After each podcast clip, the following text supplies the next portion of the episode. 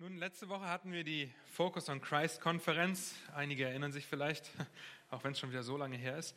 Ähm, und Pascal hat uns letzten Sonntag eine wunderbare Predigt über das Alleinsein gehalten aus 1. Korinther 7. Und als dann rauskam, dass Dieter ausfallen wird und krank ist, habe ich mir gedacht, ich möchte da anknüpfen.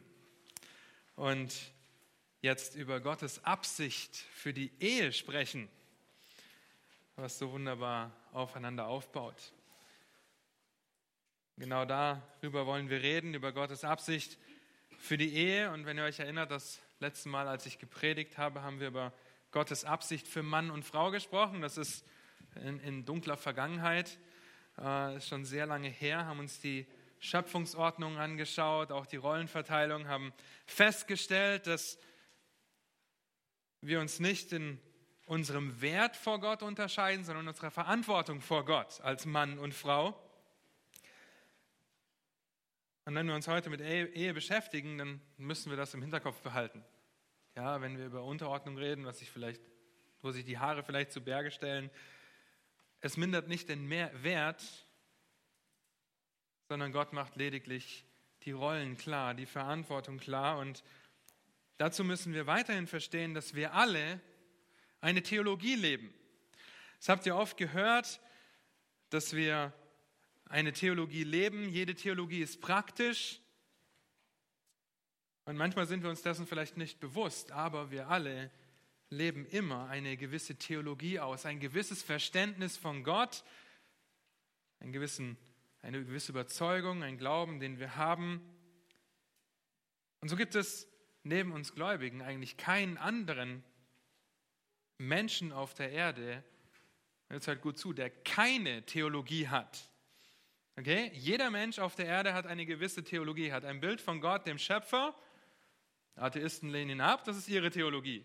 Katholiken haben ein etwas verdrehtes Verständnis von Gerechtigkeit und wie sie sie erlangen, Sekten und so weiter. Sie haben alle eine Theologie, der sie folgen der sie vertrauen. Also die Frage ist, ist diese Theologie gut oder ist sie schlecht? Worauf basiert sie und wie lebt sie sich in unserem Leben aus? Und R.C. Sproul hat einmal über Christen gesagt, kein Christ kann der Theologie aus dem Weg gehen. Jeder Christ ist ein Theologe. Denkst du vielleicht, okay, ich habe aber gar nicht Theologie studiert. Trotzdem, jeder Christ ist ein Theologe. Wahrscheinlich nicht im technischen oder gar professionellen Sinn, aber er ist ein Theologe. Die Frage für Christen ist also nicht, ob sie Theologen werden, sondern ob sie gute oder schlechte Theologen sind. Und das alles gründet sich in Gottes Wort. Und wir hören heute so viel verdrehte Ansichten über die Ehe, über die Rollenverteilung in der Ehe, über die Idee, die Ideen, die da sind. Ihr habt die Regierungsentscheidungen der letzten Monate im Hinterkopf. Wir müssen immer wieder in die Bibel gucken, in die Schrift gucken, was die Schrift sagt und aus der Schrift unsere Theologie auch über die Ehe ziehen. Jeder Mensch hat ein Gottesverständnis. Also ist die Frage, ist sie verdreht? Weil dann wird auch dein Leben verdreht sein. Ist sie richtig? Dann wird sich das wiederum auf dein Leben als Christ auswirken. Deshalb wollen wir Gottes Absicht für die Ehe ein bisschen ausarbeiten, ein bisschen erkennen, um uns selbst zu prüfen, wo wir vielleicht auch noch wachsen müssen in unserer Theologie. Und dazu muss Gottes Wort unser Fundament sein. Vielleicht sitzt du jetzt hier und denkst, okay, ich bin nicht verheiratet, dann kann ich aufstehen und gehen. Ja, bitte nicht. Ja, vielleicht stellst du auch die Frage, okay, halte ich jetzt meine, meine Emotionalität und vielleicht auch die Bitterkeit, die sich entwickelt hat, halte ich die zurück weil es mir schwerfällt, sich mit diesem Thema auseinanderzusetzen, weil ich gerne heiraten möchte und es sich nicht ergibt.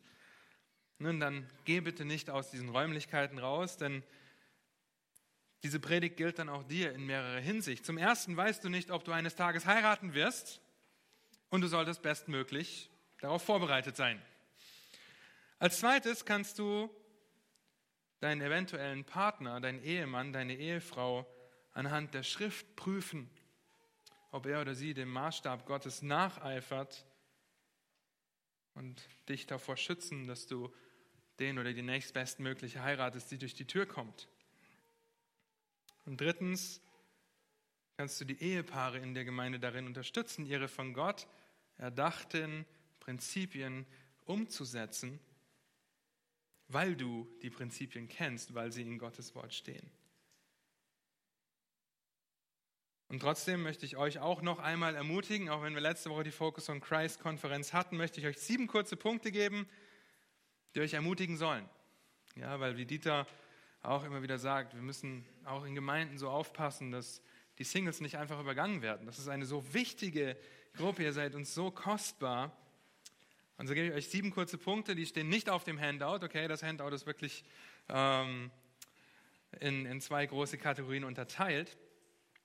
Der erste Punkt ist, die Ehe, wie wir sie kennen, ist nicht das endgültige Ziel des Menschen. Ja, das ist wichtig, dass wir das verstehen. Ehe ist nicht das Ziel, auf das jeder hinsteuert. Äh, und das könnt ihr sehen, indem Jesus die Frage auf die Witwe beantwortet, die so oft geheiratet hat. Mit wem wird sie im Himmel verheiratet sein? Ja, und Jesus sagt ganz deutlich, dass es dort keine Ehe geben wird, in dem Sinn, wie wir sie hier definieren. Christus ist unsere Braut, das ist ein anderes Bild. Ja, aber es ist nicht das endgültige Ziel. Zweitens, der perfekteste Mensch, gleichzeitig Gott, der je gelebt hat, ist Christus selbst und war nicht verheiratet. Das haben wir so oft schon gehört. Christus hat seinen Dienst völlig dem Vater untergeordnet und war ungeteilt in seiner Aufmerksamkeit, wie Pascal auch letzte Woche uns gezeigt hat. Drittens hebt die Bibel Unverheiratete in besonderer Weise hervor. Paulus macht das in 1. Korinther 7, hat Pascal letzte Woche darüber gepredigt. Und um es mit einem Zitat eines alleinstehenden Missionars zu sagen, Zitat, Single zu sein bedeutet für mich, dass ich frei bin, Risiken einzugehen, die ich nicht hätte eingehen können, hätte ich eine Familie zu versorgen. Single zu sein hat mir die Freiheit gegeben, in der Welt herumzureisen, ohne jedes Mal einen ganzen Haushalt umziehen zu müssen. Und diese Freiheit hat mir Momente ermöglicht, die ich auf dieser Seite der Ewigkeit niemals eintauschen würde. Zitat Ende. Weißt also, wofür nutzt du deinen Stand als alleinstehender Christ? Viertens, Paulus und viele andere haben die Ehe für sich abgelehnt, um dem Königreich Gottes effektiver dienen zu können. Und es ist überaus mutig, diesen Ruf zu akzeptieren und ihn zu Gottes Ehre umzusetzen. Fünftens verspricht Jesus denjenigen, die ihren Dienst voll und ganz zu seiner Ehre verrichten, dass die Gemeinde ihre Familie wird. Das war für jeden, der seine Familie verlässt. Markus 10, Vers 29 bis 30 könnt ihr dazu lesen, dass wenn er von Bruder oder Schwester verfolgt wird, aus dem Haus geschmissen wird, so wird er auf dieser Seite der Ewigkeit schon viele Brüder und Schwestern dazu gewinnen und in der zukünftigen Zeit ewiges Leben. Das ist so wunderbar. Sechstens haben wir einen souveränen Gott, der entscheidet, wer heiratet und wer nicht. Und stellt euch vor, er hat sich das nicht erst gedacht, als du geboren wurdest, sagt, ups, nee, die heiratet nicht. Lieber nicht, ja, oder er nicht, sondern er hat das vor Grundlegung der Welt festgelegt. Und wir können dankbar dafür sein, dass wir einen souveränen Gott haben. Und wir können ihm vertrauen, egal in welchem Stand wir stehen. Im Psalm 84, Vers 12 heißt es folgendes: Denn Gott, der Herr, ist Sonne und Schild. Der Herr gibt Gnade und Herrlichkeit. Wer in Lauterkeit wandelt, dem versagt er nichts Gutes. Das heißt, wenn du alleinstehend bist zur Zeit, dann ist das das Beste, was dir passieren kann, weil Gott, der Herr, denen, die ihn lieben, nichts Gutes versagt. Wir haben einen souveränen Gott. Das heißt, hätte Gott gewollt, dass du in diesem Moment verheiratet wärst, wärst du jetzt verheiratet. Und siebtens, dein geistlicher Zustand als Mann oder als Frau, die Gott die Ehre zu geben, der hat nichts damit zu tun, ob du verheiratet bist oder nicht. Ja, ein Mann wird nicht erst zum Mann, wenn er heiratet, und eine Frau wird nicht erst zur Frau, wenn sie heiratet. Es ist so wunderbar, dass das nicht davon abhängig ist, ob wir als Christen reifen oder nicht. Und wir werden reifen. Ihr werdet reifen auch als Alleinstehende. Die Frage ist, ob ihr zu Gottes Ehre reift oder zu menschlicher Angst, Verzweiflung, Bitterkeit, Wut, Zorn. Stell dir die Frage, wo möchte ich hinkommen? Wohin möchte ich wachsen? Ihr habt Freiheiten, natürlich habt ihr auch Verpflichtungen dadurch. Ihr müsst vielleicht für euren Lebensunterhalt sorgen. Gerade als Frauen ist das herausfordernd. Vielleicht nicht die Zeit für euren Dienst in der Gemeinde, die von manchen Leuten vielleicht erwartet wird, weil sie denken, ja, ihr seid ja alleine. Nein, aber wir möchten an euch denken und euch auch ermutigen. Ihr habt mehr Zeit und mehr Freiheit, eure Zeit und Freizeit, die ihr habt, zu Gottes Ehre und für den Dienst an Gott einzusetzen, als ein Vater oder eine Mutter, ein Ehemann oder eine Ehefrau. Dazu könnt ihr euch gerne die Predigt von letzter Woche nochmal anhören. Aber lasst uns jetzt zur Ehe kommen. Die von Gott gegebene Institution, die innige Gemeinschaft zwischen einem Mann und einer Frau, das sagt die Schrift, die so wichtig ist für die Gemeinde. Und heute wird das so häufig verdreht. Wir kennen die Debatten und die Vorlieben in der Welt. Wir sehen auch die große Gefahr in christlichen Kreisen, dass das Verständnis von Ehe, von dem, wie Mann und Frau eine Ehe leben sollten, so schnell über Bord geworfen wird. Einmal ist da die Frau, die unbedingt außer Haus arbeiten will, weil sie sich verwirklichen möchte und den Haushalt nicht als Beruf ansieht. Der Mann, der sich faul zurücklegt und einfach sagt, ja, meine Frau macht das schon zu Hause, der sich nicht aufopfert, sondern in einer überheblichen und diktatorischen Art und Weise das Haus leitet. Das finden wir in vielen Gemeinden vor. Und wir stehen alle in der Gefahr, die Absicht von Gott über die Ehe so schnell zu verdrehen. Und das beraubt Gott letztendlich seiner Ehre und es beraubt uns unserer Zeugnisfunktion als Mann und Frau. Im Neuen Testament gibt es drei sehr bekannte Stellen über die Ehe. Das ist Epheser 5, Vers 22 bis 33. Das wird der ausschlaggebende Text für heute sein. Dann findet ihr das in Kolosser 3, 18 und 19 und in 1. Petrus 3, Verse 1 bis 7. Und wenn wir diese drei Stellen nehmen, wir werden sie jetzt nicht gemeinsam lesen, und auflisten, was die Verantwortungsbereiche von Mann und Frau sind, dann hört sich diese Liste folgendermaßen an und es das heißt immer so schön Ladies first. Da dürft ihr gut zuhören, ihr Frauen. Männer hört bitte auch zu und denkt nicht, meine Frau muss jetzt gut zuhören und ich kann schnell Facebooken oder WhatsAppen. Nein, hört gut zu. Ladies first. Die Ehefrau soll sich ihrem Mann unterordnen. Die Ehefrau soll Ehrfurcht vor ihrem Mann haben.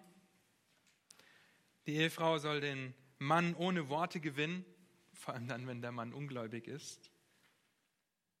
Die Ehefrau soll in der Furcht rein wandeln. Die Ehefrau soll einen sanften und einen stillen Geist haben und sie soll ihre Hoffnung auf Gott setzen. Wenn ihr mitgezählt habt, dann war das eins, zwei, drei, vier, sechs Punkte. Und einige von diesen Dingen sind vielleicht besonders herausfordernd für dich, wenn du einen ungläubigen Ehemann hast. Sind vielleicht schwierig, selbst wenn du einen gläubigen Ehemann hast und denkst, ah, ich hätte so gern, dass er die Familie anleitet.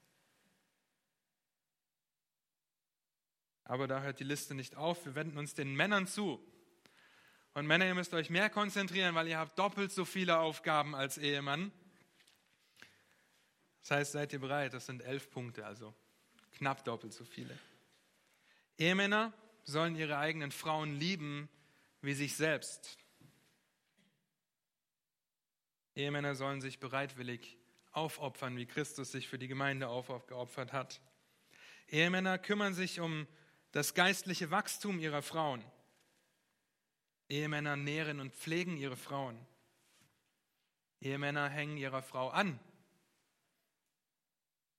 Und dann, wenn ihr Kinder habt, steht besonders in Epheser 6, auf die Väter bezogen. Ehemänner ihre Kinder nicht zum Zorn reizen. Dass Ehemänner ihre Kinder in der Zucht und der Mahnung des Herrn aufziehen. Dass Ehemänner nicht bitter gegen ihre Ehefrauen sind, dass sie Einsicht mit ihrer Ehefrau haben und dass sie ihrer Ehefrau Ehre erweisen und gemeinsam beten. Ihr Lieben, wir Männer, wir tragen die Verantwortung. Wir werden eines Tages vor Gott stehen und Rechenschaft dafür ablegen, wie wir unsere Frauen, unsere Familien angeleitet haben. Und so sind unsere Aufgaben umfassen mehr, mehr als die der Frauen. Ist das nicht eine Erleichterung für euch Frauen, dass nicht so viel Aufgaben habt? Nicht, dass die Aufgaben nicht schwer sind, nicht herausfordernd sind. Auf jeden Fall sind sie das. Ja, aber wir Männer, wir halten den Kopf hin. Wir Männer stehen vor Gott da und werden Rechenschaft abgeben, wie wir unsere Frauen geliebt und angeleitet haben, wie wir unserer Familie vorgestanden haben. Und wenn wir weitere Stellen hinzuziehen, dann stellen wir fest, dass die Verantwortung immer wieder bei den Männern liegt. Das könnt ihr in 1. Mose 1, 2 schon lesen. Dass die Aufgabe der Ehefrau ist, eine Hilfe und eine Unterstützung zu sein. Lasst uns als Männer und als Frauen diese Verantwortung, die wir bekommen haben von Gott, wahrnehmen. Das bedeutet nicht, dass wir als Ehemänner alles alleine machen müssen, ja, sondern dass unsere Frauen uns eine praktische Hilfe sein dürfen. Und das wird im praktischen Leben deutlich. Ja, wir Männer, wir gehen arbeiten, versorgen unsere Familien. Und in dieser Zeit, bei uns zu Hause ist das so, kümmert sich meine liebe Frau um den Haushalt, kümmert sich sogar um unser Budget. Sie übernimmt zum Großteil die Kindererziehung, weil ich außer Haus bin. Aber ich trage die Verantwortung. Und ich lege fest, wie das Budget aufgeteilt ist. Ich lege fest, wie wir unsere Kinder erziehen möchten. Natürlich in Absprache mit ihr, aber ich trage die Verantwortung, auch wenn ich außer Haus bin. Im praktischen Leben wird ganz deutlich sichtbar diese Haupt- und Hilfe, diese Unterstützung einer Frau für ihren Mann und die Aufgaben des Mannes. Aber wir Männer werden letztendlich für alles zur Rechenschaft gezogen. Und wenn wir von der Absicht Gottes für die Ehe reden, dann ist das natürlich einmal die intimste und innigste Beziehung zweier Menschen, ein lebenslanger, unauflöslicher Bund, der in unserer gefallenen Welt leider so häufig gebrochen wird. Und in Epheser 5, und das ist unser Text für heute, sehen wir die Lüftung des Geheimnisses der Ehe. Die Ehe ist lediglich ein Bild für Christus und die Gemeinde. Christus unser Haupt, wir seine Braut. Und wenn wir das Alte Testament ein bisschen durchforschen und durchforsten, dann sehen wir oft, wie Gott das Bild der Ehe gebraucht in Bezug auf sein eigenes Volk. Zum Beispiel Jeremia 9, Vers 1. Oh, dass ich in der Wüste eine Herberge für Wanderer hätte, dass ich mein Volk verlassen und von ihnen wegziehen könnte, denn sie sind alle Ehebrecher und ein treuloser Haufen. Nun, das sind sehr harte Worte, aber Gott gebraucht immer wieder das Bild einer untreuen Ehefrau, wenn er von dem Abfall seines Volkes spricht. Das heißt, die Ehe ist ein Bild, die sehr viel ausdrückt. Und eine Ehe zwischen Mann und Frau ist das Bild für Christus und die Gemeinde. Wenn ihr weitere Beispiele haben wollt, wie Gott sein Volk als Ehefrau äh, bezeichnet, könnt ihr den Propheten Hosea lesen. Ja, dort wird das sehr, sehr deutlich. Das ist also ein typisches Beispiel. Und so schreibt Paulus in Epheser 5 als alleinstehender Mann über die Ehe folgendes, inspiriert vom Heiligen Geist. Epheser 5 Abvers 22. Da heißt es, ihr Frauen, Ordnet euch euren eigenen Männern unter als dem Herrn. Denn der Mann ist das Haupt der Frau, wie auch der Christus das Haupt der Gemeinde ist. Und er ist der Retter des Leibes. Wie nun die Gemeinde sich um den Christ, dem Christus unterordnet, so auch die Frauen ihren eigenen Männern in allem. Ihr Männer, liebt eure Frauen gleich wie auch der Christus die Gemeinde geliebt hat und sich selbst für sie hingegeben hat bis hierher. Und das sind Verse, die die Vorstellung von Ehe in der Welt und die unter Gläubigen so drastisch voneinander unterscheiden. Gott hat diesen Rahmen für Intimität in der Ehe gegeben. Die Ehe und nicht eine Partnerschaft, wo man zusammenlebt. Und es ist die wohl am besten biblisch definierte Beziehung zwischen zwei Menschen, die immer wieder vorkommt, immer wieder vorgestellt wird. Aber in Epheser 5 sehen wir, dass sie auf Christus und die Gemeinde hindeutet. Und so können wir viel als Haupt und als Hilfe lernen. Und so wollen wir uns in den nächsten Minuten diese zwei Akronyme anschauen. Hilfe und Haupt. Ich habe sie mir nicht selber ausgedacht. Die äh, stammen von Joe Frick. Wie könnte es anders sein? Äh, dem Theologielehrer bei Wort des Lebens am Köriser See. Aber es ist einfach so einprägsam. Und dabei steht das Akronym Hilfe für die Verantwortungsbereiche von uns Männern, ja, wenn das vielleicht komisch sich anhört, aber es ist gut, dass unsere Hilfe weiß, was wir zu tun haben. Und das Wort Haupt dann für die Ehefrauen. Und deshalb hört gut zu. Stupst jetzt nicht eure Ehefrau oder Ehemann an ja, und sagt, sie müssen zuhören und ihr könnt abschalten, sondern hört gut zu. Wir werden uns zuerst den Männern zuwenden, weil sie die Verantwortung vor Gott tragen. Also diesmal nicht Ladies first, sondern Männer first. Männer firster. Mhm. Das H in Hilfe steht für Hingabe. Vielleicht seht ihr das im Text. Vers 23. Denn der Mann ist das Haupt der Frau, wie auch der Christus das Haupt der Gemeinde ist und er ist ein Retter des Leibes. Und Vers 25, gleich wie auch der Christus die Gemeinde geliebt hat und sich selbst für sie hingegeben hat. Ihr lieben Christus hat sich für uns aufgeopfert. Und zwar nicht in einer Art und Weise, dass er gesagt hat, ja, äh, den geringsten möglichen Widerstand, den gehe ich ein, um ein bisschen was zu bewirken, sondern er hat alles gegeben. Er hat das größte Opfer vollbracht, das man sich vorstellen kann. Er hat den prächtigsten Thronsaal, den himmlischen Thronsaal verlassen, die Gemeinschaft mit seinem Vater, die in perfekter Heiligkeit ohne Sünde war, hat er verlassen, um auf dieser Erde in einem Stall zur Welt zu kommen. Und was zu tun? Nicht um bedient zu werden, sondern um zu dienen. Sich hinzugeben. Ihr könnt die Fußwaschung als Beispiel nehmen in Johannes 13, aber das ganze, die ganze Hingabe unseres Herrn gipfelt im Kreuz, dass er unsere Schuld getragen hat und dafür gestorben ist, damit wir eine Beziehung zu ihm haben können. Männer, da müssen wir uns sehr viel von abschauen. Da müssen wir Christus sehr stark nacheifern, damit wir genauso hingebungsvoll mit unseren Frauen umgehen. Das bedeutet aufopferungsbereiter, liebevoller Leiterdienst liebende Leiterschaft. Damit kommen wir gleich zum I.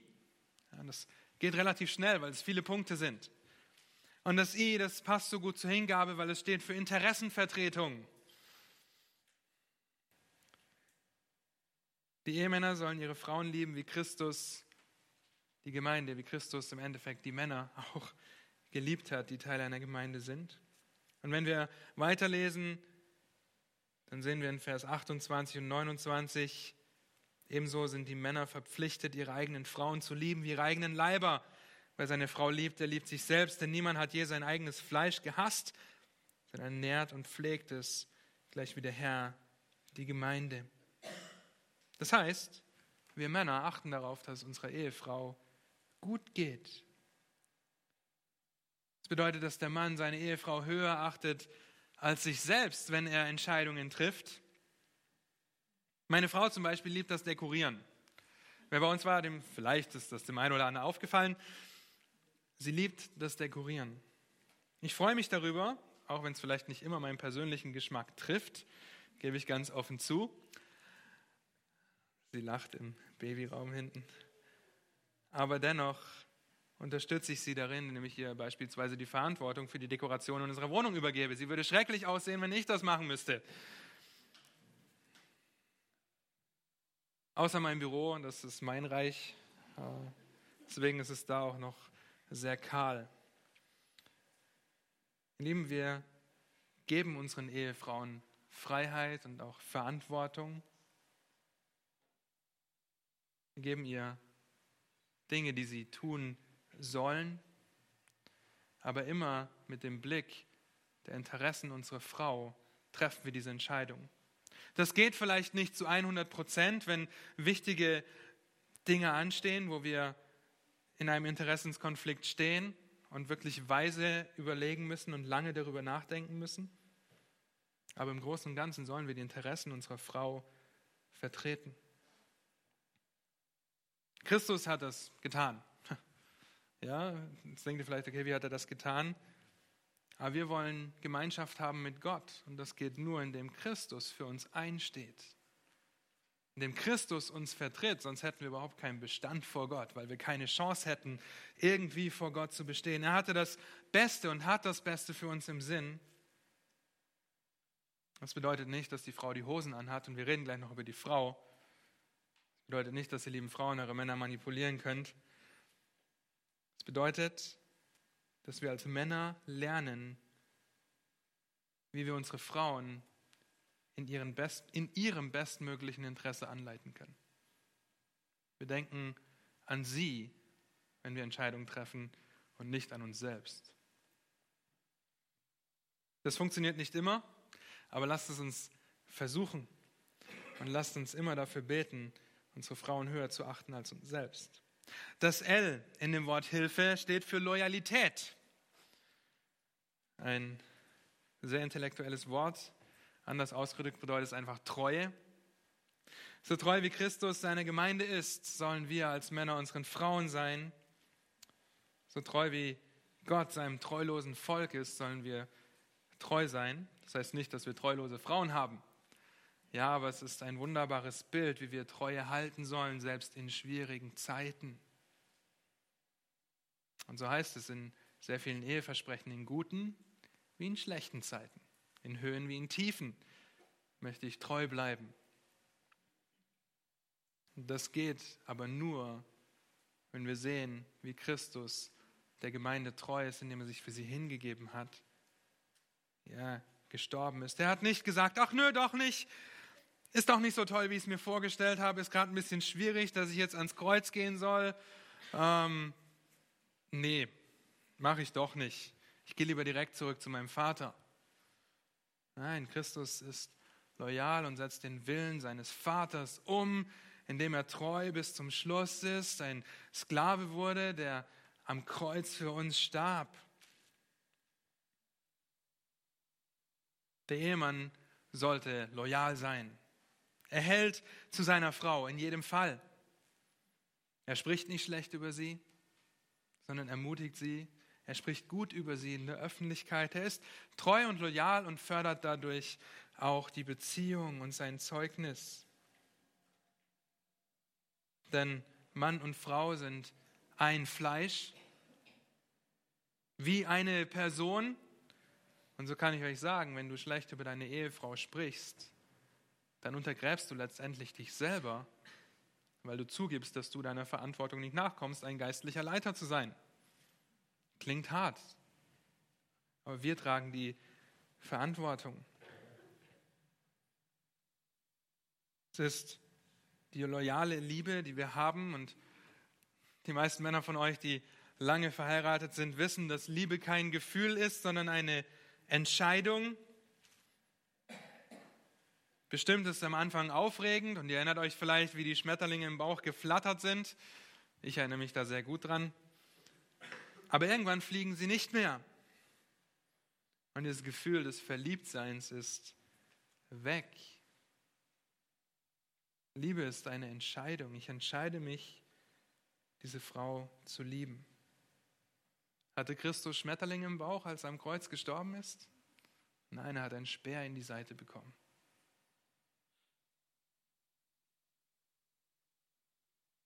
Es war nicht ein gefühlsduseliges Hingeben am Kreuz, sondern ein schmerzhafter Tod, weil er treu war bis zum Schluss.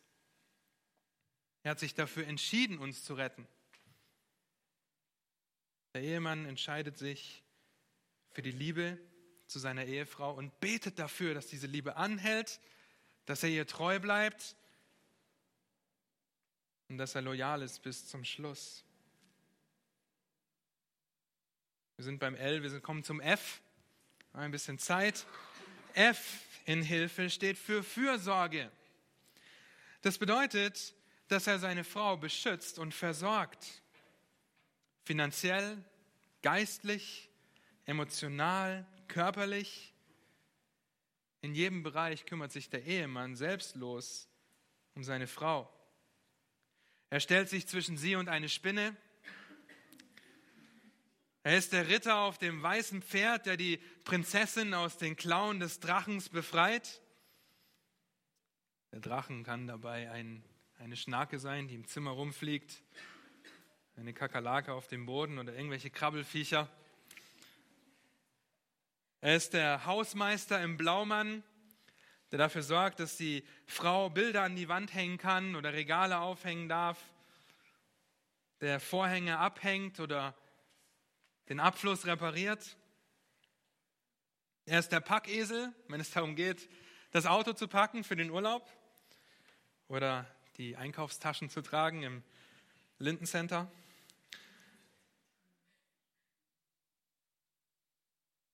Er ist der Hirte, er ist der Hirte, der Gottes Wort studiert und seiner Frau beibringt und es ihr bestmöglich erklärt und mit ihr betet. Habt ihr darüber nachgedacht, Männer, dass ihr Hirten in eurer Familie seid?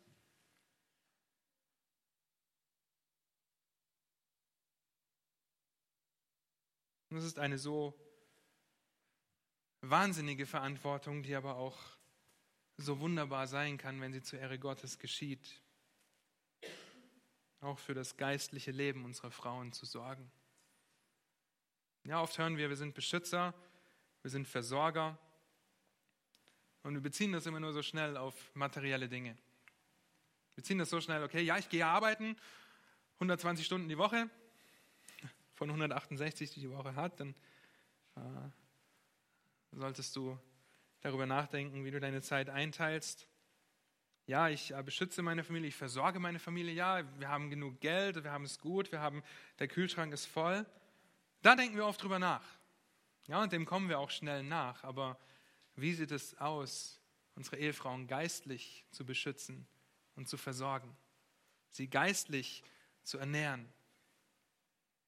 Ihnen zum Beispiel ein Buch zum Lesen zu geben, dass wir denken, dass ihnen hilft, weiterzukommen, mit ihnen Gottes Wort zu lesen und zu beten. Das ist unsere Verantwortung. Wie hat Christus das im Leben auf dieser Erde gemacht? Er hat sich um das körperliche Wohl gesorgt, er hat viele Kranke geheilt, das haben wir auch heute wieder gehört. Er war fürsorglich in diesen Bereichen. Letzte Woche haben wir gehört, dass er 5000 gesättigt hat. Aber wie oft lesen wir von Gleichnissen, von Predigten, die er hält und sehen einfach, wie er auch für das geistliche Wohl sorgt und geistlich beschützt, indem er vor den Irrlehrern, den Pharisäern und Schriftgelehrten so klar warnt. Wir als Ehemänner müssen lernen, unsere Frauen auch geistlich zu versorgen und zu beschützen. Fürsorge war das F. Und zuletzt haben wir das E. Das E steht für Entscheidungsfreudigkeit. Was für ein Wahnsinnswort. Entscheidungsfreudigkeit. Und das ist mit einem Bereich, der uns Männern wahrscheinlich am schwersten fällt. Das beginnt beim Fall in 1. Mose 3, wie Adam neben Eva steht, während Eva versucht wird, und Adam nicht die Entscheidung trifft, einzuschreiten.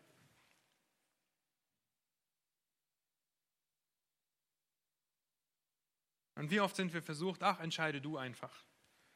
weil wir keine Lust haben, darüber nachzudenken, was vielleicht das Beste wäre, weil wir vielleicht schon wissen, dass unsere Frauen schon länger darüber nachdenken und sowieso alle die besten Argumente haben. Also warum soll ich da noch eine Entscheidung treffen? Aber wir tragen die Verantwortung. Ich hoffe, das ist klar geworden für uns Männer, dass wir die Verantwortung tragen. Und das bedeutet auch, dass wir Entscheidungsfreudigkeit haben. Zu ihm nicht sagen, entscheide du. In manchen Bereichen ist das möglich. Und wir Freiheit, haben wir Freiheit, das zu entscheiden. Es geht gut. Das fördert vielleicht sogar die Ehe und die Beziehung zu eurer Frau. Dass wir lernen, unsere Entscheidungen demütig zu treffen und auch bereit sind, den Fehler einzugestehen und die Verantwortung dafür zu tragen. Aber wie kann das aussehen? Zum Beispiel kann sich eine Familie an den Tisch setzen und überlegen, wo sie nächstes Jahr zum Urlaub fährt. Ja, da kommt dann von dem jüngsten jungen Mann, der gerade eingeschult wurde, ist in der Kinderstunde jetzt, dass er gerne den Himalaya besteigen würde. Oder die älteste Tochter sagt, ich würde gerne in Afrika durch die Wüste schlendern. Oder am liebsten einfach zu Hause bleiben. Ihr Lieben, dann können wir als Männer nicht einfach sagen, ja gut, äh, wir gehen den Himalaya besteigen als ganze Familie. Letztendlich haben wir die Entscheidung in diesem Bereich. Vielleicht fällt die Entscheidung ganz anders aus als das, was die Kinder oder die Ehefrau hören möchte. Das ist aber ein sehr einfaches, sehr banales Beispiel, das sich vielleicht schnell klären lässt, weil es klar ist, dass die Finanzen nicht da sind, um den Himalaya zu besteigen, geschweige denn die Gesundheit dazu. Aber was ist mit geistlicher Entscheidungsfreudigkeit? In welche Gemeinde gehen wir? Wie erziehen wir unsere Kinder? Welche Dienste übernehmen wir in der Gemeinde? Wo sehen wir uns in dem Dienst für die Gemeinde? Und wie können wir gemeinsam Gott ähnlicher werden? Was sind Schritte, die wir dazu gehen müssen? Die Männer, wir stehen in der Verantwortung, diese Entscheidungen zu treffen. Und lasst uns nicht warten und sie auf die lange Bank schieben. Lasst uns entscheidungsfreudig bestmöglich entscheiden indem wir Gott die Ehre geben und unsere Frauen gut anleiten, indem dass wir sie führen und Entscheidungen treffen. Und es gibt so viele Dinge, in denen selbst ich und auch Dieter und Pascal werden euch das bestätigen, in denen wir so oft versagen, gute Entscheidungen zu treffen. Warum?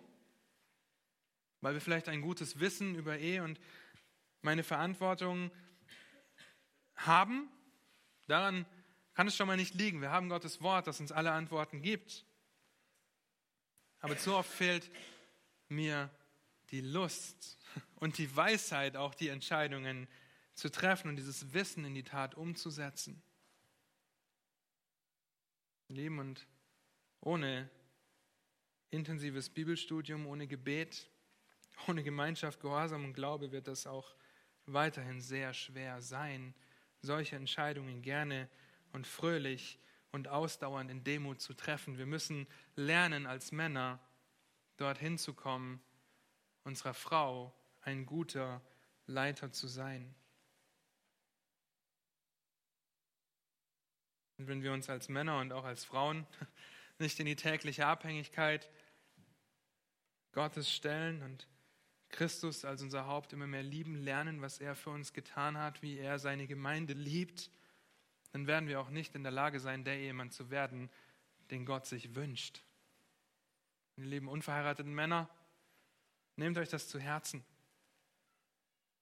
Denn wenn du jetzt nicht lernst, wie Christus die Gemeinde liebt, dann wirst du es in einer Ehe auch nicht lernen. Du wirst es vielleicht wissen, aber setz es jetzt schon in die Tat um, zu lernen, was es bedeutet, ein Ehemann zu sein, der Gott liebt. Und wenn du eines Tages heiratest, bist du dann bestmöglich vorbereitet. Hilfe, das war für uns Männer. Und ihr Frauen habt hoffentlich fleißig mitgeschrieben, ihr Männer hoffentlich auch. Und lasst uns da gegenseitig auch zur Verantwortung ziehen, wenn wir sehen, dass wir kämpfen in manchen dieser Bereiche. Ja, es ist nicht falsch, dass wir uns darüber austauschen, füreinander beten und gegenseitig anspornen zu Liebe und zu guten Werken. Und dazu haben wir die Gemeinschaft in der Gemeinde. Lasst uns noch zur Ehefrau kommen. Auch hier unverheirateten Frauen, hört gut zu, denn ihr könnt euch gut vorbereiten, genauso wie die unverheirateten Männer. Wir gerade festgestellt haben, halten sie nicht den Kopf dafür hin, was in der Familie passiert. Die Verantwortung liegt beim Mann. Natürlich werden auch Frauen, wir alle werden zur Rechenschaft gezogen für das, was wir getan haben. Aber der Mann wird zur Rechenschaft gezogen dafür, wie er die Familie angeleitet hat. So wie Hirten einer Gemeinde dafür zur Rechenschaft gezogen werden, wie sie die Gemeinde geführt haben, geleitet haben. Ihr habt vielleicht nicht so viel Verantwortung und dennoch habt ihr eine der schwersten Aufgaben, nämlich sich bereitwillig und freiwillig unter die Leitung eines Mannes unterzuordnen. Selbst wenn er vielleicht nicht entscheidungsfreudig ist, wenn er gar ungläubig ist. Ist eine der schwersten Aufgaben, keine Frage. Und oft sind wir Männer daran schuld, dass es euch so schwer fällt, wir Ehemänner, weil wir unsere Verantwortung nicht wahrnehmen. Und deshalb das Akronym Haupt für die Ehefrau. Und das H in Haupt, ihr denkt euch das vielleicht schon, vielleicht ratet ihr schon, was da hinkommt, steht für Hilfe. Sehr einfach. Wer hätte es gedacht? Und wenn wir davon lesen, dass die Frau eine Hilfe ist, dann ist das in keinster Weise eine Abwertung der Frau. Die Bibel macht hier keinen Wertunterschied vor Christus. Sind wir gleich? Sie wird nicht zum Heimchen am Herd degradiert, weil sie ja nur eine Hilfe ist. Nein. Dass ihr euren Ehemännern eine Hilfe sein dürft oder mal eine Hilfe sein könnt, wenn ihr heiratet, ist ein wunderbares Privileg, ein Vorrecht, das ihr habt. Wenn ihr euch das Alte Testament anschaut, dann findet ihr für Hilfe das kleine Wort Eser. Ich weiß nicht, ob ich es richtig ausspreche. Könnt ihr Daniel später fragen. Das findet ihr und es wird oft mit Unterstützung, mit Hilfe und mit Stärke übersetzt. Es bezieht sich auf jemanden, der die, Bedürfnis, die Bedürfnisse des anderen ausfüllt oder erfüllt. Jemanden, der seine Kraft beisteuert, damit eine Aufgabe erledigt werden kann oder dem anderen dort dient, wo er gebraucht wird. Nun, das hört sich erstmal sehr schwierig an. Ja, aber hier kommt vielleicht die größte Ermutigung in diesem ganzen Bereich. Psalm 70, Vers 6. Da heißt es, ich aber bin elend und arm. O Gott, eile zu mir. Und dann beschreibt der Psalmist Gott folgendermaßen, meine Hilfe und mein Retter bist du, o Herr, säume nicht. Oder Psalm 121, Vers 1 und 2, dasselbe, ich erhebe meine Augen auf zu den Bergen, woher kommt mir Hilfe?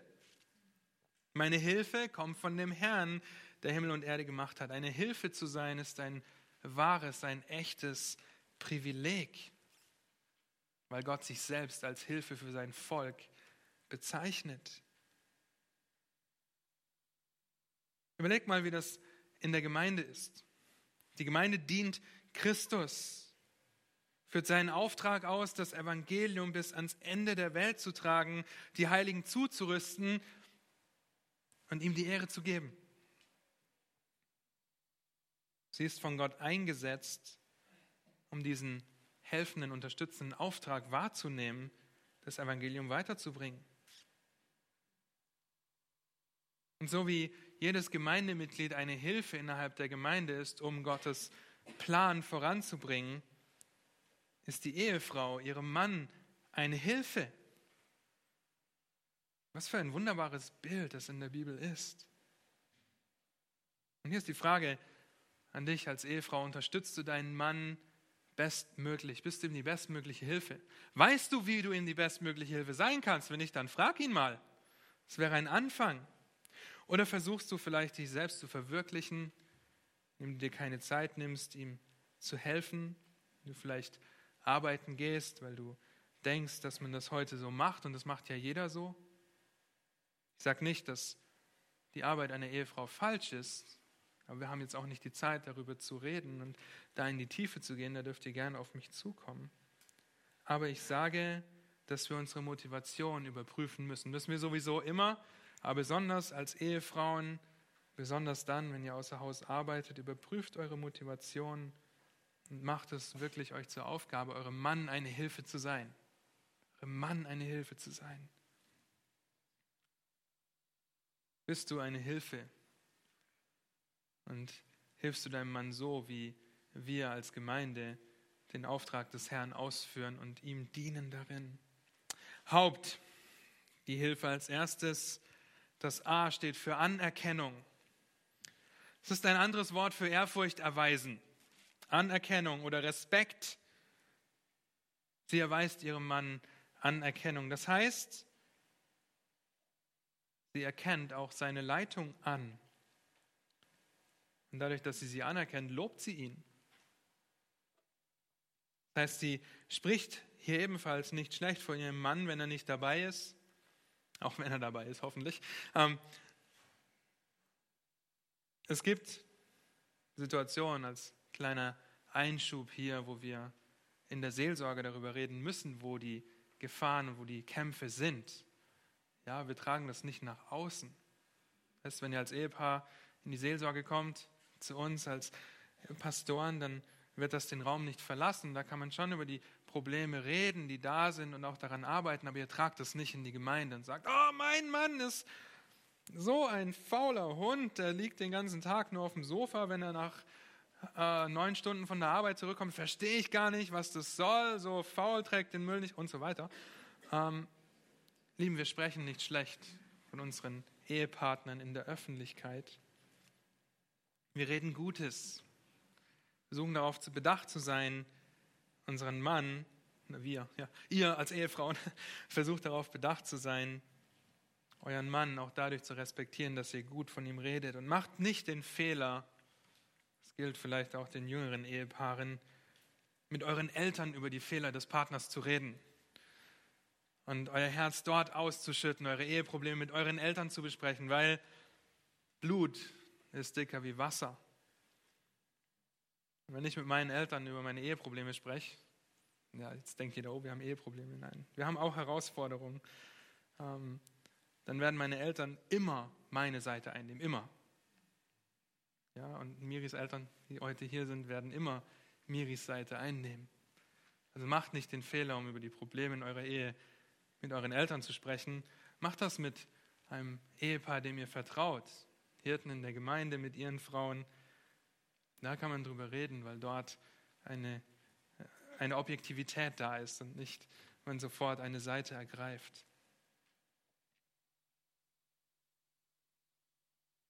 Lieben wir dürfen oder ihr dürft als Frauen lernen, euren Männern Respekt zu zollen, um das anderen Worten auszudrücken, Anerkennung zu geben. Vielleicht ist auch aufgefallen, dass sehr oft davon gesprochen wird in Gottes Wort, dass wir Männer unsere Frauen lieben sollen und dass die Frauen ihren Mann Ehrfurcht gegenüberbringen sollen. Wir kommen gleich noch zur Unterordnung. Und das ist so wahr. Ein Mann, man hat einmal die Umfrage gemacht äh, unter Mann, Männern und Frauen. Und da kam die Frage auf, Männer, ist es euch wichtiger, Anerkennung von eurer Frau zu bekommen oder geliebt zu werden? Und die meisten Männer möchten lieber Anerkennung und Respekt. Und die gleiche Frage wurden die Frauen gestellt. Und die Frauen, die wollen geliebt werden. Ja, so unterschiedlich sind wir geschaffen und das ist so wunderbar. Denn das bedingt sich gegenseitig. Wenn ich meine Frau liebe, dann wird sie mir auch Anerkennung geben. Und dann werde ich sie noch mehr lieben und sie wird noch mehr Anerkennung geben. Okay, es, es bedingt sich und das ist so wunderbar, wie wir das schon in der Schrift finden können. Nun, diese Anerkennung kann sich ganz unterschiedlich ausdrücken, auch ganz banal und einfach, mal einen Actionfilm zu schauen mit deinem Ehemann oder Fußball zu schauen, ja. Ähm,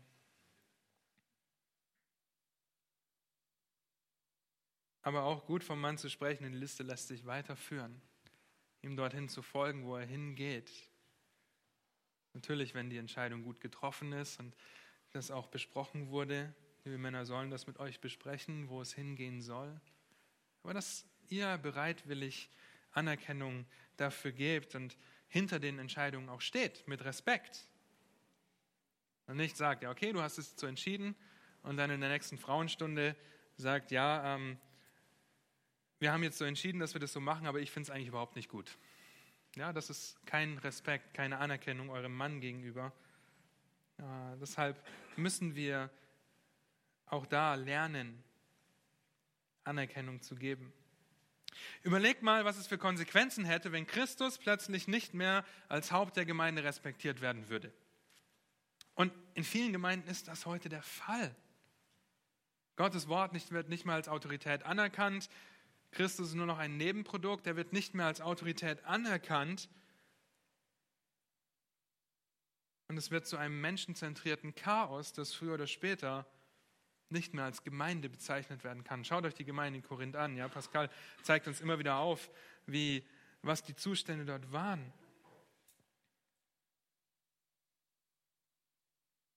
Die Ordnung Gottes zu untergraben in einer Ehe wird in deiner Ehe für Chaos sorgen.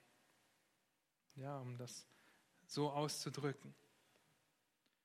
Ich bin mir durchaus dessen bewusst, dass eure Ehemänner nicht Christus sind. Das wäre wunderbar, dann wären alle Probleme gelöst und wir müssten nicht darüber reden. Und das spüre ich auch am eigenen Leib, dass ich noch so viel lernen darf als Ehemann.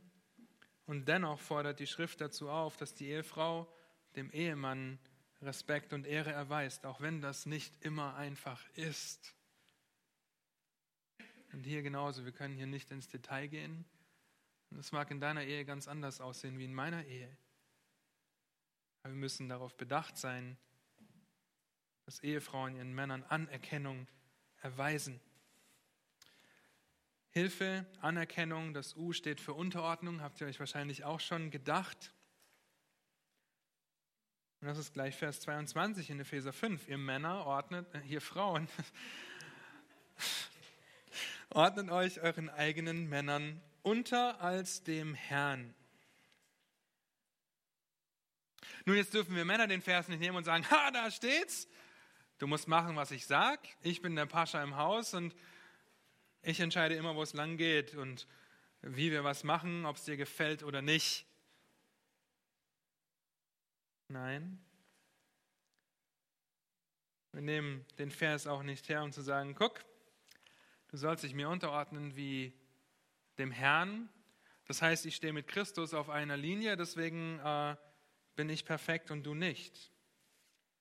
Auf keinen Fall. Vielmehr wird hier von einer freiwilligen und einer bereitwilligen Unterordnung gesprochen. Nichts, was der Mann einfordern muss, sondern was die Frau von sich aus freiwillig und bereitwillig tut.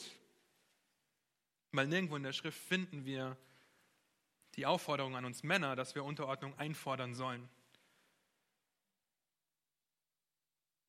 Und wieder wir als Männer, wir können es unseren Frauen so viel leichter machen, wenn wir ihnen ein gutes Haupt sind, ein, ein guter Leiter. Es geht um bereitwillig und freiwilliges Unterordnen um die Bereitschaft, sich unter die Leitung des Ehemanns zu stellen. Ich betone immer wieder Ehemann und Ehefrau, weil in vielen Kreisen wird auch gesagt, dass eine Frau sich jedem Mann unterordnen muss, ob sie verheiratet ist oder nicht. Ja, das ist falsch. Wir sehen natürlich Autoritätsstrukturen, gerade auch in einer Gemeinde durch Hirten äh, und Gemeindemitglieder, da darf eine Frau das üben. Aber es heißt nicht, dass sich jede Frau jedem Mann unterordnen muss, sondern es wird immer nur von der Ehe hier gesprochen. Und sich dem Ehemann unterzuordnen muss genauso eine Entscheidung sein, wie die Entscheidung zu lieben. Es ist eine Entscheidung, die wir treffen, nicht, ja, wenn er heute das und das macht, was mir gefällt, dann ordne ich mich unter. Ja, es ist eine Entscheidung, die wir treffen aufgrund der Wahrheit der Schrift und nicht aufgrund der manipulativen Eigenschaften einer Frau.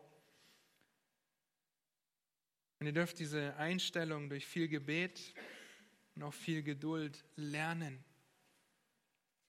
Und wenn dein Mann ungläubig ist, dann ermutige ich dich, 1. Petrus 3 zu studieren, weil das so wunderbar ist und genau in diese Situation spricht. Betet dafür, dass ihr euch unterordnet, ist es eine Folge des Sündenfalls, dass ihr Frauen über eure Männer aufbegehren wollt. Könnt ihr 1. Mose 3 lesen, da steht das drin. Das ist eine Folge des Sündenfalls, deswegen fällt es jeder Frau schwer, sich bereitwillig und ständig unterzuordnen, freudig das zu tun. Deshalb ermutigt euch auch gegenseitig darin.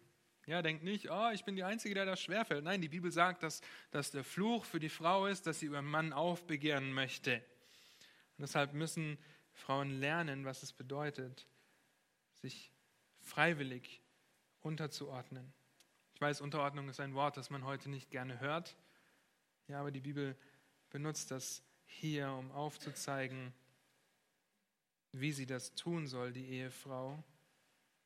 Und das ist immer das Idealbild. Ja? Ihr werdet keinen Mann finden, der so perfekt ist, dass er diese Verse einhalten kann, aber wir wollen danach streben, das zu tun. Und genauso ihr Frauen dürft danach streben, freudig der Leitung eines Mannes zu folgen. Wenn ihr einen reifen, geistlich reifen Mann geheiratet habt, fällt euch das vielleicht leicht, weil es auch Spaß macht. Wenn ihr einen ungläubigen und einen unreifen Mann geheiratet habt, fällt es euch vielleicht sehr schwer und dennoch fordert die Bibel dazu auf. Der Mann ist das Haupt, dafür trägt er die Verantwortung. Und ihr als Frauen könnt darin voll aufblühen, dass er die Verantwortung trägt, indem ihr euch ihm unterordnet. Und deshalb ist es so wichtig, dass ihr auch als alleinstehende Frauen gut prüft, was für einen Mann jetzt, ihr jetzt heiratet.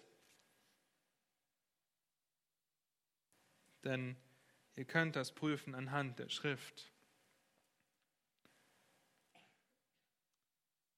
Es ist so wunderbar auch zu sehen, dass wir wissen dürfen, dass wir uns als Gemeinde Christus unserem Haupt unterordnen. Und wenn wir das tun oder das nicht tun, dann wird die Gemeinde ebenso zugrunde gehen. Vielleicht fällt es dir schwer, dich unterzuordnen, weil du denkst, dein Mann nimmt die Verantwortung nicht wahr oder ist gar ungläubig.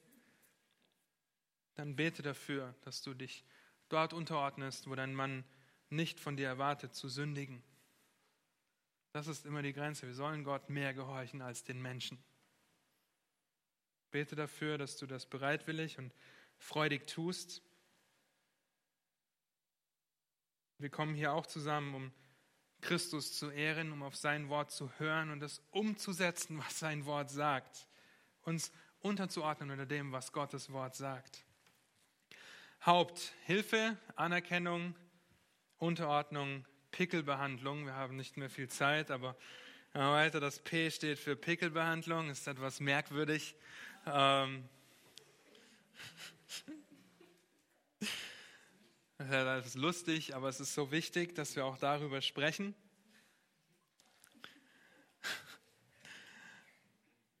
Es geht hier darum, dass eine Frau sich für einen Mann attraktiv hält.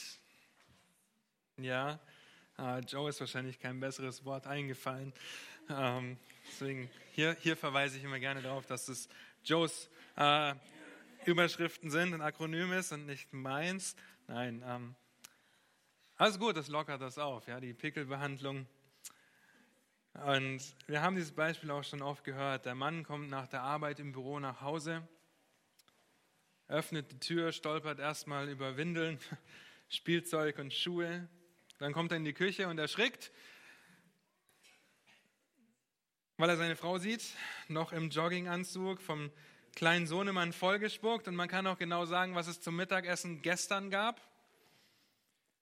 Die Haare stehen in alle Richtungen, die Schminke von vorgestern ist verschmiert. Nun, ist übertrieben, ich weiß, ihr putzt euch alle heraus für eure Ehemänner. Aber das Bild wird deutlich, wir sollen uns, ich rede immer von wir, aber ihr als Frauen ähm, sollt euch attraktiv machen für euren Mann und fragt euren Mann, wie, wie, er das, wie er das sieht und was er attraktiv findet. Ja, und hier in diesem Beispiel, der Mann kommt aus dem Büro, in dem er mit Frauen zusammenarbeitet, die einen gewissen Dresscode haben, die äh, sich pflegen, um ein gutes Erscheinungsbild zu haben, das vielleicht attraktiv ist. Ja, nicht ein Anreiz zur Sünde, aber ähm, gut gekleidet. Und dann kommt er nach Hause und hat das krasse Gegenteil.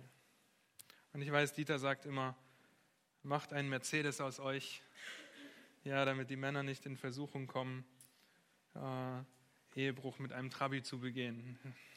Ja. Ähm, wenn wir uns, wenn ihr als Frauen nicht alles daran setzt, das gilt auch für uns Männer übrigens, ja, euch zu pflegen, vielleicht auch, wenn der Mann das schön findet, äh, die Wohnung für die Ankunft des Mannes vorzubereiten, vielleicht ihm ein Essen auf den Tisch zu stellen, weil Liebe geht ja durch den Magen, ja, dann wird es dem Mann auch nicht so leicht fallen, auf verdrehte Ideen zu kommen. Wenn ihr euch attraktiv haltet, dann schützt euren Mann auch vor Sünde. Ja, das ist wichtig. Deshalb die Pickelbehandlung. Das ist vielleicht äh, komisch. Ja, aber wie kommen wir sonntags in der Gemeinde zusammen? Ja, wir ziehen unsere Sonntagsklamotten an. Unsere Motivation sollte sein, Gott als lebendiges Opfer zu dienen. Unsere geistlichen Pickel zu behandeln. Okay? Sünde quasi abzulegen, um ein gutes Zeugnis zu sein. Und so dürft ihr euch auf euren Ehemann vorbereiten. Und auch schon für die Ehe vorbereiten und überlegen, okay, wie kann ich meinem Mann eine Freude machen? indem ich mich attraktiv halte. Zu guter Letzt das T, und damit wollen wir schließen, steht wie beim Ehemann das L schon für Treue. Ehemann loyal, die Frau treu, das ist ein und dasselbe. Es ist der Bund der Ehe bis zum Tod.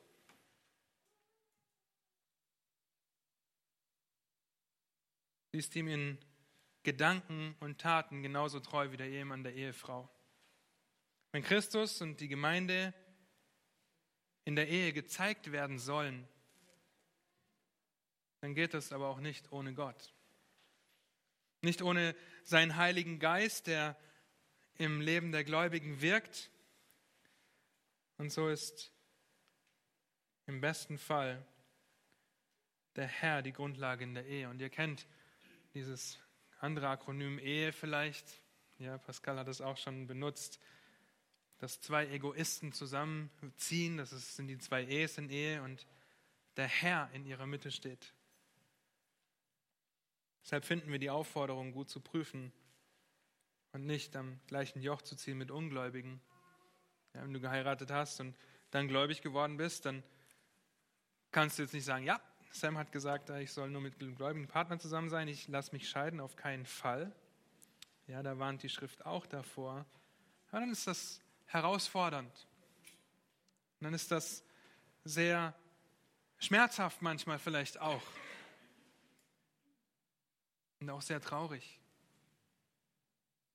Ja, aber ich möchte auch ermutigen und wissen lassen, dass wir als Hirten sehr viel und sehr fleißig für unsere lieben Geschwister beten, die ungläubige Ehepartner haben, dass Gott Gnade schenkt und Rettung. Denn dann wird das Ganze wunder, wunderbar. Das heißt, je mehr ein Partner durch Gemeinschaft, Gebet, Gehorsam, Glauben und Gottes Wort wächst und Gott ähnlicher wird, desto näher wird er mit seinem Partner zusammenkommen. Und letztendlich geht es um Gott und nicht um uns. Ja, das heißt, wenn wir als Ehepartner auf den Herrn blicken, dann werden wir auch immer näher zum Herrn wachsen.